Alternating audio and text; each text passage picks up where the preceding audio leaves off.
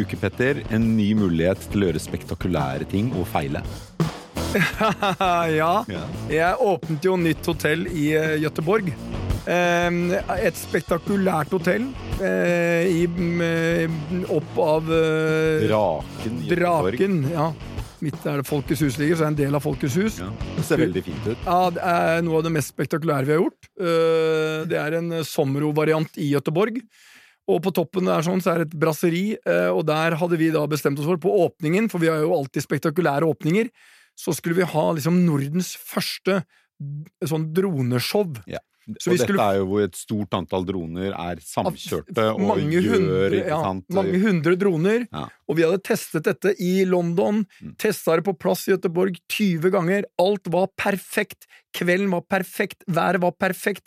Tusen gjester står i endeløs spenning over å se draken gå ut av For det er en svær drake på taket der, altså inni restauranten, som jeg skulle få sånn visuelt til å fly ut og fly over hele Göteborg og lande igjen inne i restauranten. Litt som Ringenes herre med dette fyrverkeriet til Gandalf, hvis du husker det? Litt samme Ja, ja, det- det type var- det var- følelse man skulle Det var, det var den følelsen vi skulle skape. Bortsett fra at du er ikke Gandalf, Det er riktig, men, men, men, Og- men, men, i- i- men Nå må vi fortsatt være positive. og lyktes ikke. Ja, nei, også når du står der, Per, og i disse gigantvinduene og ser ut til Göteborg, så ser du dronene går opp, og du kjenner at du får gåsehud, som fort endres når liksom halvparten av dronene bestemmer seg for å styrte styrtdykke i vannet. De stikker i kanalen. De går i kanalen istedenfor opp i luften. Ja. Så det ble det, og, Altså, dette er tidenes trynings på åpning. Opp som en drage, ned som en, Ja, ned ikke. i vannet. en som frostbitt spurv. Ja. Ja. Så, men, men hva gjør du da? Da eh, Da står du og venter lite grann, så blir det helt stille, og så får du en telefon. Og når jeg skjønte at halvparten av eh, de der dronene lå i vannet og ikke kunne ta igjen Dragens hode er borte, vi har halen igjen. Ja, vi har, like- ja, og den dra, altså det var størrelsen Den skulle være 150 meter lang det var, altså. Nei, da går jeg til DJ-en og eh, setter på en sang, og da var valget 'Kjenn ingen sorg for meg, Gøteborg'. Eh, for, og, så, og så bare dro vi i gang festen. Ja. Men det, altså, det var noen som var sånn, eh, og det ble jo masse overskrifter over det, både svenske og det kom jo også norske medier. Men dette er eh, lærdommen. Hvis ikke du tør å ta sjanser, hvis ikke du tør å satse, så vil du aldri kunne levere unike, spektakulære ting. Ehm, så eh, jeg, jeg lyktes ikke denne gangen, men neste gang. Ja. Men ambisjonene var altså ordentlig høye. Og det skal man ikke tulle av. Nei, men har, og, har det skjedd noen spektakulære ting i, i ditt liv? For meg så er det smooth sailing for tiden. Det er det- Nei, det skjer veldig lite. Det er travle dager. Jeg har hatt et par ganske kalde kvelder på fotballbanen hvor eldstedatteren min eh, spiller. Det er altså forferdelig kaldt å stå ute på en fotballbane for tiden. Ja, har du vurdert å ta på deg tjukkere jakke? Jeg har det. Jeg har eh, kjøpt tjukkere jakke, jeg har ullundertøy og jeg har full pakke. Jeg har til og med lue, Petter. Men uh, det er kaldt. Ja. Så mitt liv er langt fra så spektakulært som ditt, men av og til er det krig.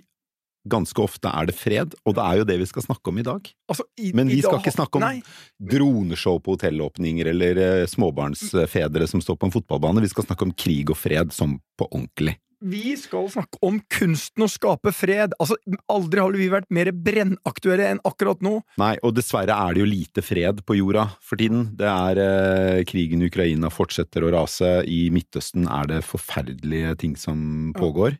Eh, og mm, da har vi i hvert fall gjort vårt beste for å forsøke å forstå eh, krig og fred, og hvordan man kan forsøke å skape fred. Eh, vi har Berit Reiss-Andersen, som er avtroppende leder i Nobelkomiteen. Og så har vi Trude Måseide, som er direktør for internasjonal myndighetskontakt i Equinor. Velkommen i studio, Berit og Trude. Vi kan jo få inntrykk av at det er bare krig i verden for tiden. Vi nevnte jo Ukraina og eh, Israel, eh, men, eh, men også andre steder i verden er det jo uroligheter og krig. Syria, Afrika er det kuppforsøk i, i mange land, eller det er gjennomførte kupp. Er det mer krig enn før, Berit? Det er mindre krig enn før. Det har historisk vært mer krig og konflikt, men Dette er noe som er litt vanskelig å telle. Når er en konflikt med væpnet innslag at den går over til eh, krig? Én eh, definisjon er at det er eh, konflikter med mer enn 1000 tap av menneskeliv per år.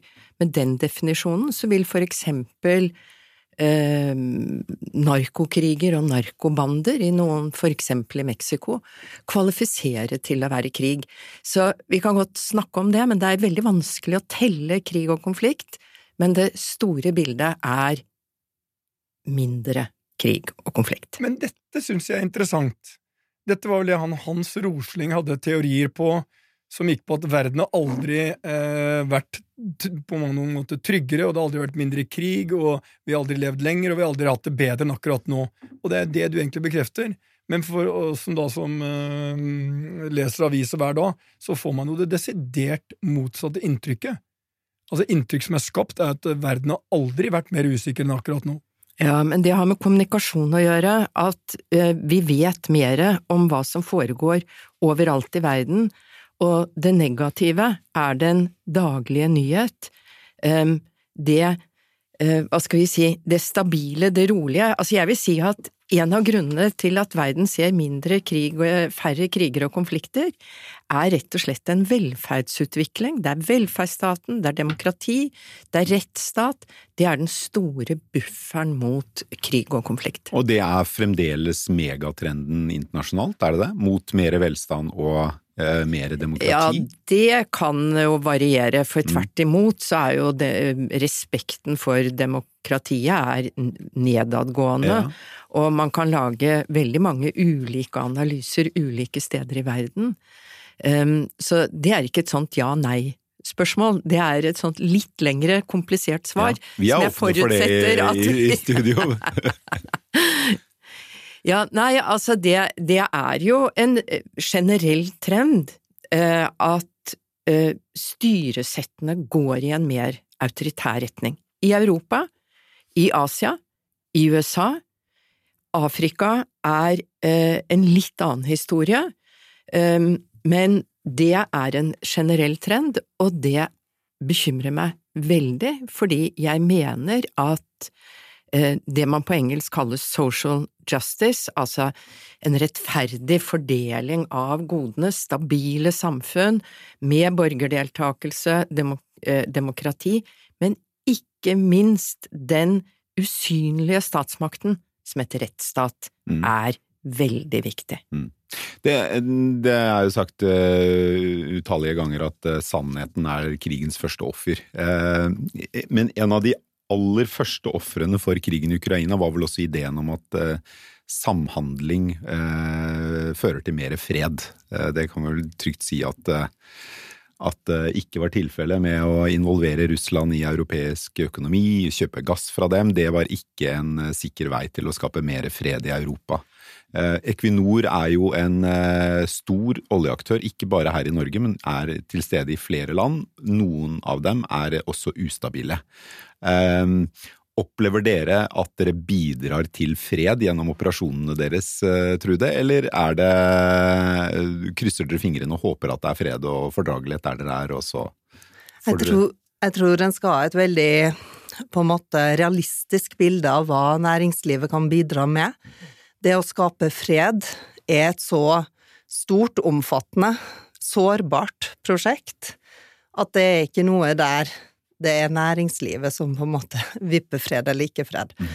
Men det jeg tenker at selskaper som vårt kan ta med seg, er at vi tar med oss skikkelige arbeidsforhold, arbeidspraksis, åpenhet, samhandling på arbeidsplassen. Vi skaper skikkelig solide, lønnsomme arbeidsplasser. Skaper håp, framtid, og vi vet at fattigdom er en driver for konflikt. Så det er liksom et bidrag kanskje ikke til fred, men til stabilisering og til at det blir et bedre samfunn. Mm. Det er håpet. Altså, jeg er veldig glad for å høre det du sier der, for jeg tror næringslivet skal ha et realistisk mål, og det er å ikke skape ufred. Fordi det har vært mange næringslivsprosjekter som har vært drivende for konflikter, Mm. kamp om ressurser, ikke minst, dårlige arbeidsforhold. Så jeg syns din innfallsvinkel er realistisk og fornuftig. Men jeg har lyst til å skyte inn min første fredspris, det var fredsprisen til EU. En institusjon, Mm. ikke ett næringsliv eller én bransje, men en institusjon som ble premiert for ikke for sin finanspolitikk, denne prisen ble jo gitt midt under finanskrisen og folk trodde vi var gale, men det ble gitt for den institusjonsbygning som bygging som førte gamle fiender sammen, erkefiendene i Europa, Tyskland og Frankrike, og vi ga den det året da Kroatia også ble tatt opp som medlemsland, Serbia fikk søkerlandsstatus, og for å vise at dette er EUs prosjekt, og fortsette den prosessen, få gamle fiender til å samhandle. Og det betyr at det, betyr at det Per er innom at øh, det med det å gjøre business med hverandre er fredsskapende. Det du sier, er egentlig det motsatte. Det er definitivt slik at EU har vært en stabil faktor i Europa. Eh, man kan kritisere de for mye, disse 20 000 agurkbøyende byråkratene som sitter i Brussel, men det er en viktig faktor liksom, i stabiliteten. Men jeg er også sånn, jeg syns vi skal være mer offensive på vegne av næringslivet. For jeg tror at noe av det farligste vi ser i dag, og det ser man også i de nordiske landene, det er den polariseringen som foregår mellom de og oss. Den polariseringen den vi ser den hver dag på TV, og jeg er mye til stede i Sverige, der ser vi den kanskje i enda større utstrekning enn i Norge. Mm. Og jeg tror det er farlig. Jeg tror det i sin ytterste konsekvens kan føre til en destabilisering av det demokratiet som vi har i de nordiske landene, som kanskje er verdens beste samfunn, hvis man ser på totalen her vi står i dag. Så jeg, jeg mener at næringslivet har en viktig oppgave i å jobbe med alle de ressursene de har, for å påvirke alle de menneskene som er der, for gjør vi det, har vi et annet forhold til inkludering og mangfold og aksept og menneskerettigheter og rett, om det er retten til å elske den du elsker, uansett alle disse tingene, er viktige verdier som vi må stå opp og kjempe for, og der må næringslivet ta stilling. Hvis ikke så mister vi en viktig part i løsningen, tror jeg. Ja, og det er jo det du er inne på, Trude. Ja, og jeg tror, altså, der tror jeg vi er veldig enige. Samtidig så, også, så skjer det plutselig sånne brå sjokk, som for eksempel da Russland kutta gassforsyningen sin til Europa. Og det er helt klart at høye strømpriser, høye energipriser, det er sånt som også skaper polarisering, som skaper urolighet, og som kan bidra veldig negativt til et samfunn. Så da er det liksom å gønne på å produsere så mye gass en kan til Europa, og det gjorde Norge. Og så må en se de øyeblikkene, men samtidig ta med seg de verdiene og de måtene å jobbe på som er et, et godt og skikkelig arbeidsliv, rett og slett. Men Petter, det er, det, er, det er riktig det du sier, næringslivet har et ansvar for å lage gode samfunn. Og det er sånn sett også institusjonalisert da, gjennom FN, eh, både når det gjelder bærekraftsmål, men mer rettet mot næringslivet, er jo dette med corporate social responsibility. Men eh, jeg synes bare man skal være realistisk i de ulike rollene man spiller.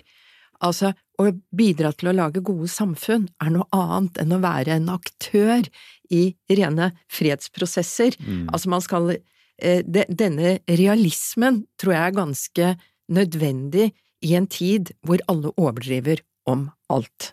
Jeg tror jo de fleste næringslivsledere vil være enig med deg i det, Berit. At, og det, er jo, det du sier er jo en positiv spinn på det jeg vil beskrive som at næringslivsledere og bedrifter må kjenne sin plass. Og, og, det er å ikke blande seg inn i politikken i de landene de er i i altfor stor grad, men sørge for at de holder sin sti ren, har gode arbeidsvilkår ikke sant, og, og så videre. Men, men det, det er vel også sånn at når Equinor eksempelvis investerer i land som er politisk ustabile, og hvis det oppstår uroligheter i det landet, så vil det jo bli brukt mot Equinor at det investerer i det landet. Uh, når, og Trude, du har jo vært uh, i både UD og på SMK, og du har jobbet for uh, Jens Stoltenberg i Nato, så du er jo godt vant med å forstå både politikk og krig og, og, og fred. Hvor mye legger Equinor vekt på politisk stabilitet i landene dere investerer i, eller er i, og vurderer å trekke dere ut av? Kan du si litt mer om de vurderingene? Ja, jeg kan si at det er noe vi legger mye vekt på, og vi har mye folk som er flinke til å analysere det. Samtidig skal vi være klar over at spesielt for olje- og gassprosjekter, det er massive, store prosjekter med kanskje 15-20-30 års horisont. Mye kan skje i et land fra du har investert til, til, du er i gang, og til du har hatt det i 20 års tid der. Sånn at må, det er noe en må jobbe med hele tida, og du kan ikke Du har i mange land med energitilgang, så har du ikke den garantien for stabilitet. Og vi vet også, sånn som du var inne på, at endatil så faktisk ressurser kan føre til konflikt. Mm. Um, du har heller ingen garantier for hvordan de myndighetene i det landet kommer til å bruke de pengene de tjener, om de kommer til å omfordele det, om de kommer til å skape stabilitet, mm. som de faktisk har muligheten til mm. med de inntektene. Så det, det er noe vi jobber med hele tida. Vi gikk ut av Russland to dager etter eh, invasjonen, Russlands invasjon av Ukraina, eh, og det gjorde vi med med stor trygghet at det var den riktige tingen å gjøre, og vi er selvfølgelig med på også alle sanksjonene, følg alle sanksjonene, det regelverket som legges, og det er vel også en del av det ansvaret en har som mm. bedrift. Hvilket land vil du si eh, Equinor er investert i i dag som du er mest urolig for, med tanke på den politiske situasjonen og potensialet for uro? Altså, jeg syns jo kanskje noen av de tingene en har sett akkurat i det siste, gjør at det å gi seg ut på den type spekulasjoner, så at eh, liksom sjansen for at jeg treffer en innertier eller at jeg bommer, er liksom ganske jevnt fordelt. Men vi er jo i land som for eksempel i Libya, som jo er et ekstremt eh, krevende land, det mm. vet vi alle sammen her. så så, og vi er i flere land som, som der de har en vanskelig politisk situasjon. Så er vi også også i land som er veldig stabile, som, eh, men som også har utfordringer i seg. Sånn at det er ikke sånn mm. at det bare er de vanskelige, liksom de som landene som folk definerer som vanskelige, som er krevende. Mm. Um, ja. USA og Canada, eh, hvor dere har urfolkskonflikter. Norge.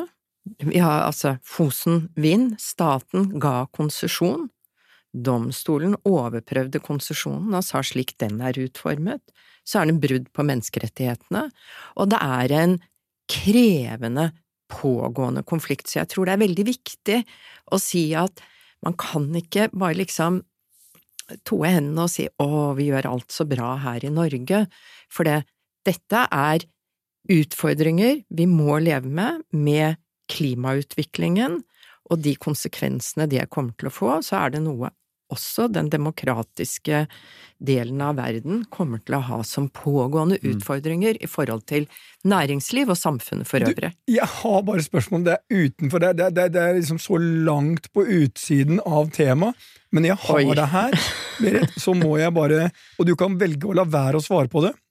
Jeg tror men, jeg velger å la være.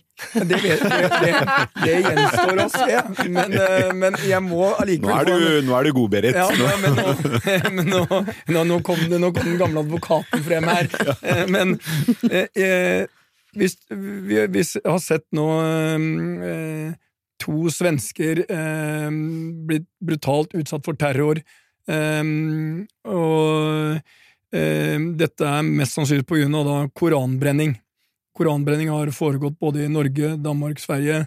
Ehm, hva er ditt forhold til, ehm, og hva mener du om skal vi tillate eh, koranbrenning eller brenning av eh, andre hellige tidsskrifter når konsekvensene blir så store som de blir?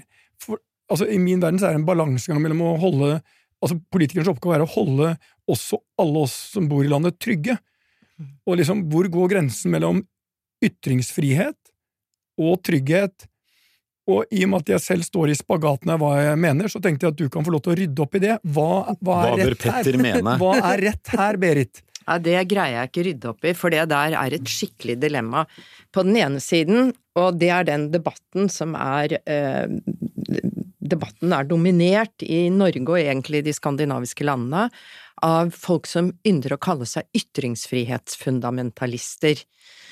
Eh, og som sier at ytringsfriheten går foran alt, og det øyeblikket vi begynner under press fra en ikke superdemokratisk stat som Tyrkia, og gi etter for det, så er vi på ville veier, og da kommer det stadig nye krav hvor man skal begrense ytringsfriheten. Det er et argument. På den annen side så er det et argument at eh, vi har begrensninger i ytringsfriheten. Eh, vi har flere begrensninger, og de er veldig van... Altså, Eh, mot eh, etnisitet, religion, seksuell orientering osv., hvor du kan bli straffet for å komme med hatefulle ytringer. Så vil jeg trekke inn en tredje dimensjon.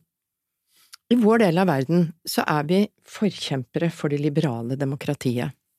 Og hvis vi skal holde dette opp som et ideal til andre deler av verden, la oss si den muslimske delen av verden, det liberale demokratiet, der er det tillatt å tråkke på det du mener er guddommelig.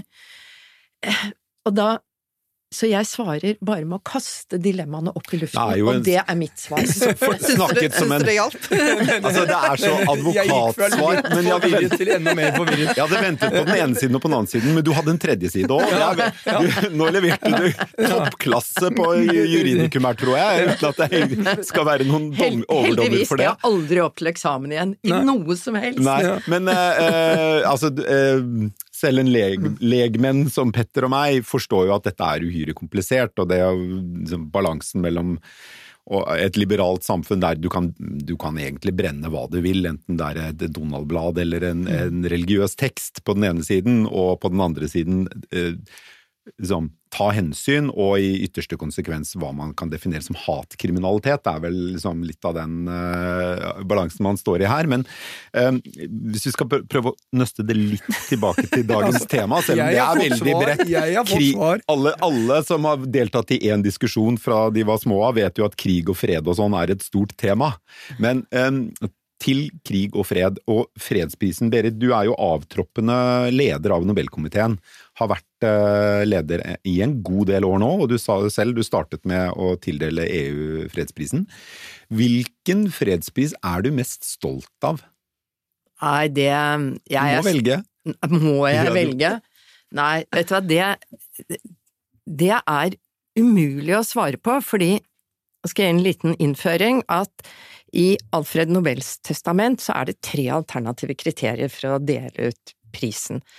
Det er liksom nedrustning, nedrustningskriteriet, det er institusjonskriteriet, og det er forbrødringskriteriet. Nå forenkler jeg det veldig for å gjøre det kjapt. Og institusjonskriteriet, er det at man institusjonaliserer Nei, altså, litt sånn som EU, I, i testamentet så står det 'den som fremmer fredskongresser'. Og det var veldig mye av fredskongresser på 1880-tallet. Ja. Eh, det fins ikke mer. Så vi har fortolket det gjennom 120 år. Det er der EU kom inn. Det er der EU kom inn. Det, en, det, det ja. sa vi var en fredskongress. Det er en moderne variant av det. Du, godt, du så det. Bra. Ja, burde kanskje vært advokat. Eh, men, men eh, det jeg har vært opptatt av i min periode, det er egentlig å styrke rettsstatsprinsipper, altså eh, institusjoner og regler, for eksempel da vi ga prisen til Dennis Mukwege og Nadia Murad, som vi også ga som en nedrustningspris. Vi sa voldtekt i krig må være paria, må være forbudt. Mm. Det er en rettsregel som man kan etablere gjennom eh, eh, sedvanerett, og det mener jeg vi bidro til. Sånne ting syns jeg er kjempeviktig, og veldig mange av de prisene jeg har vært med på, har et sånt regelbakteppe, for jeg tror veldig på lov og orden. Mm. Ja, og da kan jeg bare som en forlengelse av det, at det er jo også utrolig viktig for næringslivet. Mm. Altså for Du spurte nettopp om liksom Er en urolig for eh, vanskelige land? Ja. Er en glad i institusjoner? Ja. Mm. Fordi at rettsstaten er kanskje det beste grunnlaget for godt næringsliv. Helt enig. Så derfor er det veldig fint å oppmuntre til det. Ja, og, og, og svake rettsstater, de satser ofte først på hva de kaller international courts, altså kommersielle domstoler, for å løse rettstvister. Det har de gjort i Emiratene, det har de gjort i Indonesia, fordi man må begynne et sted, og hvis investorer ikke har uavhengige domstoler de kan stole på for å beskytte seg mot konfiskering, nasjonaliseringer, hvordan kontraktvister løses osv., så, så går det ikke. Da er det risikoområdet å investere i. Mm. Absolutt. Veldig. Ja, og det er jo en, en parallell til det er jo eh, behovet for skatteparadiser i verden. Mye av det handler jo om skatteunndragelse, men en god del av det handler jo også om at helt lovlige virksomheter i urolige land har et sted å flytte penger raskt ut av landet for å være trygge på at de Eh, er et sted hvor de kan regne med å hente dem tilbake, ikke sant. Så det, ja. det er jo det fraværet av institusjoner, også finansielle institusjoner, som ja. er pålitelige for, eh, for, selskaper som Equinor å mm. investere i, da. Ja. en ting er at du har oljerigger der, men hvis du skal sette pengene der og la de være der òg, så skal du være ganske trygg på at institusjonene du har dem i, ikke blir konfiskert av korrupte politikere i morgen. Og det er vel den gode funksjonen av skatteparadiser, er at det er en nøytral jurisdiksjon. Mm. Altså for eksempel hjelpeorganisasjoner, som vi snakker om eh, mye om nå, med altså Redd Barna, Røde Kors, Leger uten grenser, bruker ofte skatteparadiser fordi det er umulig å sette penger i banken i Syria, kanskje heller ikke så smart i Israel nå. Eh, og sånn sett fyller det en funksjon. Det negative bildet er at det også brukes til mm. skatteunndragelse, selvfølgelig. Så, men, så, institusjoner har vært en viktig Institusjoner og, og, og, og lov og rett i, sånn, lov og rett i, i stort, er, min ledetråd din, i livet. Din ledetråd i livet, og også som leder av Nobelkomiteen. Eh, hvilken eh, vil du si, når du tenker tilbake, du vil ikke trekke frem den du er mest stolt av, men vil du si at det er en du tenker hm, kanskje vi ikke hadde hele bildet da vi tildelte han eller hun prisen? Ikke da vi tildelte, men vi hadde ikke hele bildet i fremtiden. Det har vi støtt på. Mm. Det har Nobelhistorien støtt på flere ganger. Og jeg personlig har støtt på det, eh, prisen til Abiy Ahmed, som jeg vil forsvare. Kan du si, hva var det? Han var eh, ny statsminister i Etiopia som på det tidspunktet han fikk prisen, hadde løslatt alle politiske fanger, åpnet for en fri presse, gjort eh, Hadde halvparten av kvinner i sin regjering, eh, hadde et klart og tydelig forpliktende program om demokratisering av en ganske kompleks statdannelse som Etiopia er, sluttet fredsavtale med Eritrea, det fikk han fredsprisen for. Året etter så gikk han eh, til krig, eh, hvor det brøt ut borgerkrig i Etiopia. Nå er vel den, om ikke helt bilagt, så tilnærmet bilagt. Og det er klart det er det er belastende for fredsprisens renommé at en fredsprisvinner går til krig året etter han har fått prisen. Det er jo ikke noe å legge skjul på, men fredsprisen deles ut eh, fra den situasjonen, slik situasjonen er, når vi fatter vedtak, og vi…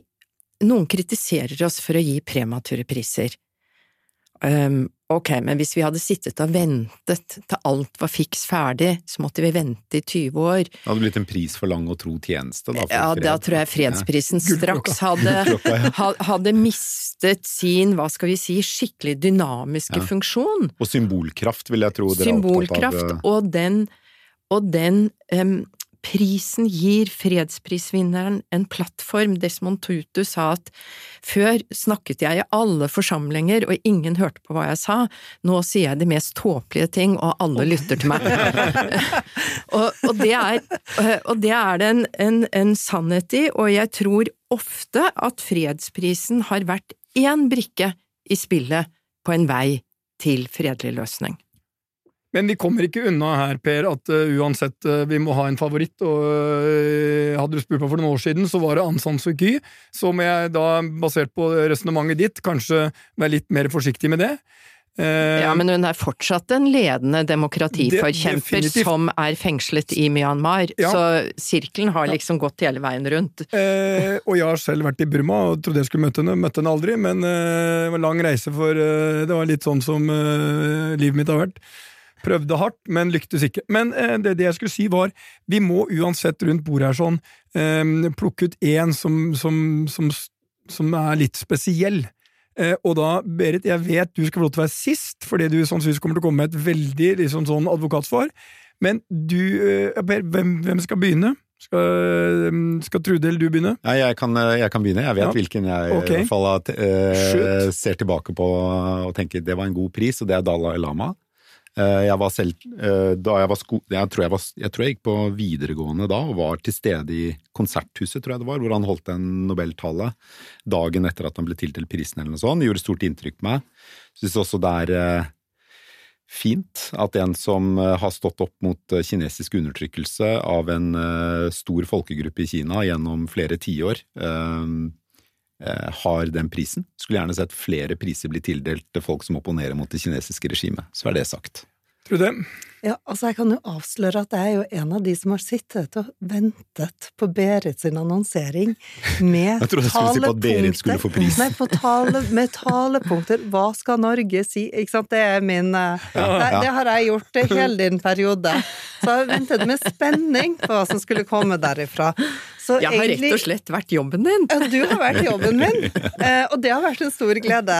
Eh, Men det gjør at vært veldig dypt inni disse forskjellige eh, fredsprisene og forstå hva de bidrar med. Og de, de er, som du sier, så forskjellige. Det er så mange ting i de. Men jeg tror kanskje jeg vil si med Kvege og eh, Murad, fordi at det er ikke intuitivt at det er Mm. fredsprisverdig. er ikke det liksom mer sånn Mm. kvinnespørsmål? Mm. Mens det syns jeg tok eh, det juridiske rommet, det at du ikke kan drive med seksuell vold i krig, og satte det helt høyest på dagsorden globalt, ja, fantastisk. Petter, Og jeg må må ta din da, før vi smelle tar noe med noe til slutt. riktig kontroversielt her, sånn, og det minst tenkelige valget. Eh, og det er fordi eh, var vel, eh, jeg var jo til stede under eh, Barack Obamas eh, første presidentperiode. I Washington. si og fordi det var mye diskutert, så tror jeg i, Mitt bilde av det var da kanskje, Han var kanskje den viktigste presidenten i USAs moderne historie. Mm. Og, og det var altså to millioner mennesker som sto der sånn. Og jeg kjenner jeg får gåsehud nå. Og når han dro til Berlin, talen han holdt der, den slo Kendys tale i Berlin. Ich bin ein Berliner. Altså, han, han holdt en fantastisk tale. Mm. Men det som imponerte meg mest, og nå er det mulig hukommelsen min er i feil her, så tror jeg han dro til Kairo, universitetet Kairo. Kairo-talen. Den talen mener jeg alene liksom eh, fortjente en egen pris. Barack Obama hadde en enorm ambisjon på vegne av verden, og han var kanskje ikke Han var kontroversiell som president i USA, i en del greier, men for verden var han kanskje en av de viktigste presidentene USA har eh, hatt. Og jeg var så imponert over han. Jeg var en så eh, stor En, en åpenbart in, eh, eh, in- eh, altså en smart fyr eh, med en enorm ambisjon, som dessverre ikke hadde nok backing på hjemmebane. Så min, min favoritt var, til tross for massiv kritikk fra mange, så var det Barack Obama. Men jeg tror du peker på noe viktig, altså den Obama-euforien som var på det tidspunktet, og de enorme forventningene Mm. som var til hans presidentskap. Men jeg syns dere to jukser litt, for det, jeg forsto spørsmålet gjøre slik det i at, at det var begrenset til liksom min periode. Nei. Eh, det sånn har damene forstått det. Ja, Og jeg veldig, veldig jeg syns det var veldig hyggelig med det svaret ditt. Ja. Jeg vil si, den Jeg skal ikke trekke fram utelukkende en favoritt, men det som overrasket meg mest, og hvor jeg følte at vi var ekstremt dristige, eh, det var prisen til Malala Yousufzai. Ja. og, og, og eh, Kailash Satyarthi. Og det Altså, å gi fredsprisen til en 17-åring, det er en ganske tung kappe å bære. Og jeg må innrømme at vi gjorde det med hjertet i halsen. Mm. Hvordan skal dette gå? Og så satte vi det sammen med en prisvinner som kjempet mot slaveri, og særlig barneslaveri, og så er det Malala som hadde svaret, at det er likestilling, og det er utdanning, og altså, det jeg får gåsehud av, det er hennes tale. Mm. One child, one pen. Altså, det var en genial tale som hun dro det ned til det enkleste virkemiddel til et veldig stort budskap. Mm. Det er et øyeblikk jeg aldri glemmer. Gåsehud og tårer. Veldig bra. eh, Det er en verdig kandidat, Berit. Bedre enn Petter og min, i hvert fall. Det må vi, det må vi si, Petter. Vi snakkes igjen eh, neste uke, Petter. Du svarte på vegne en av Jeg var jo det. Du, du, er litt sånn som faren min var. Vi var, vi var uenige, og så oppsummerte han at uh, jeg hadde rett til slutt. Petter tok feil. Ja, ja, ja. Og, og sånn var det sist også. Ja, Det er hersketeknikk. Ja, ja, ja ve veldig. Og, han, og det er så elegant. Det, Ja. det er sånn, Han sender meg rett under, sånn, forsiktig under bussen. Ja, men det skal du vite, Trude, at er det en som er god på hersketeknikker, så er det Petter. Så det, der føler jeg at og altfor mye empati. Og vet eh, du hva jeg tror, da? Du tror meg, ikke sant? Selvfølgelig. Jeg er overbevist om at alle som hører på denne podkasten, tror meg på akkurat det. At Petter er god på hersketeknikker. Men eh, det er greit, Petter. Jeg er glad i deg likevel, jeg. Ja, ja, jeg er glad i deg. Skal du oppsummere? Nei, men um, um, jeg føler jeg det er lite mer å, å si, egentlig. Det, er, um, tusen takk til Berit og Trude for uh, utrolig interessante tanker. Og uh, vi snakkes igjen neste uke, Petter. Da uh, tror jeg om noe litt mindre alvorstungt. Det gjør vi.